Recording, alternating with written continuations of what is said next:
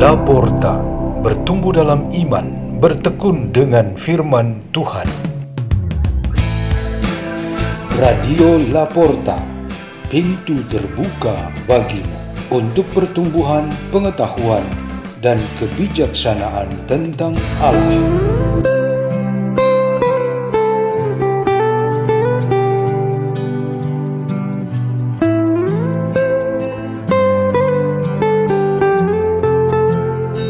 Bersama tim Laporta, asuhan Peter Tukan, biarawan SDB Salesian Don Bosco.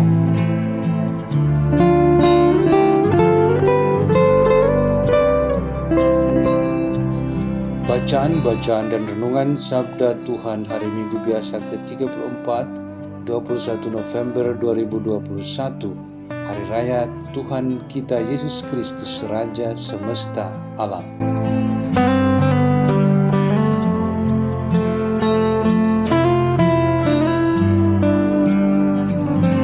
Bacaan dari Nubuat Daniel Aku, Daniel, melihat dalam penglihatan waktu malam, nampak seorang seperti seorang anak manusia datang dari langit bersama awan gemawan.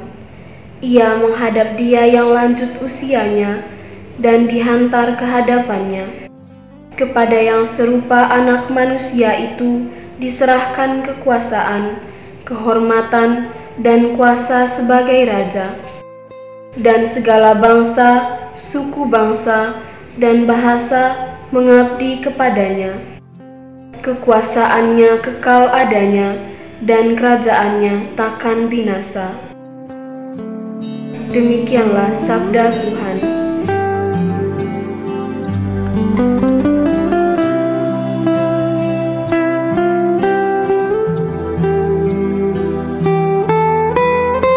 Bacaan dari Kitab Wahyu Yesus Kristus adalah saksi yang setia, yang pertama bangkit dari antara orang mati, dan yang berkuasa atas raja-raja bumi ini. Dia mengasihi kita, dan berkat darahnya, Ia telah melepaskan kita dari dosa kita. Dia telah membuat kita menjadi suatu kerajaan dan menjadi imam-imam bagi Allah Bapaknya.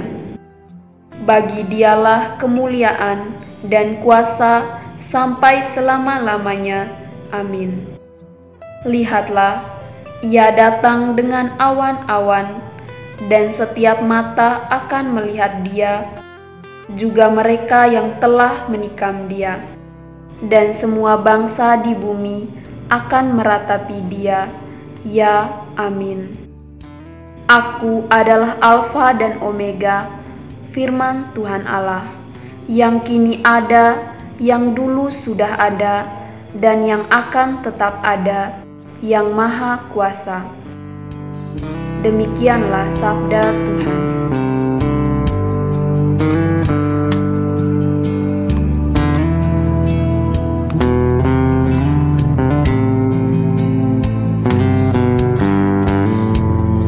Injil Tuhan kita Yesus Kristus menurut Yohanes bab 18 ayat 33b sampai 37. Ketika Yesus dihadapkan ke pengadilan, bertanyalah Pilatus kepadanya, "Engkaukah raja orang Yahudi?" Jawab Yesus, "Dari hatimu sendirikah engkau katakan hal itu? Atau adakah orang lain yang mengatakan kepadamu tentang aku?" Kata Pilatus, Orang Yahudi ke aku? Bangsamu sendiri dan imam-imam kepala telah menyerahkan engkau kepadaku. Apakah yang telah engkau perbuat? Jawab Yesus, Kerajaanku bukan dari dunia ini. Jika kerajaanku dari dunia ini, pasti hamba-hambaku sudah melawan, supaya aku jangan diserahkan kepada orang Yahudi. Akan tetapi kerajaanku bukan dari sini. Maka kata Pilatus kepadanya, "Jadi engkau adalah raja?" Jawab Yesus, "Seperti yang kau katakan, aku adalah raja. Untuk itulah aku lahir Dan untuk itulah aku datang ke dunia ini, yakni untuk memberi kesaksian tentang kebenaran. Setiap orang yang berasal dari kebenaran mendengarkan suaraku. Demikianlah Injil Tuhan.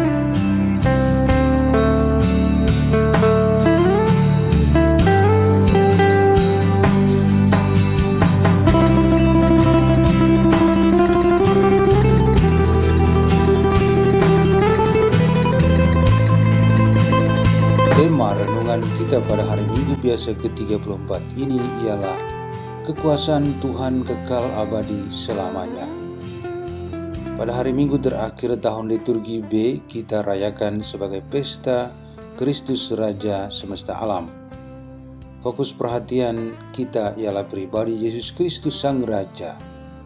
Yang kita lihat pada Yesus sebagai Raja ialah kekuasaannya sebagai Tuhan dan Putra Allah Buktinya, atas ajaran dan mujizat yang dibuatnya, orang-orang menganggap bahwa kuasanya melampaui semua manusia dan penguasa di dunia. Kekuasaan yang ada pada Yesus menjadi pembeda dari semua kekuasaan di dunia. Misalnya terhadap penguasa politik seperti Pilatus. Perbedaannya sangat mencolok.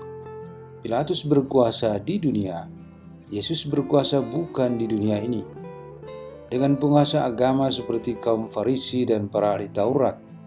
Yesus menghadirkan Tuhan Allah yang menyelamatkan umat manusia, sedangkan mereka bersaksi tentang Tuhan yang menghukum dan menakutkan manusia.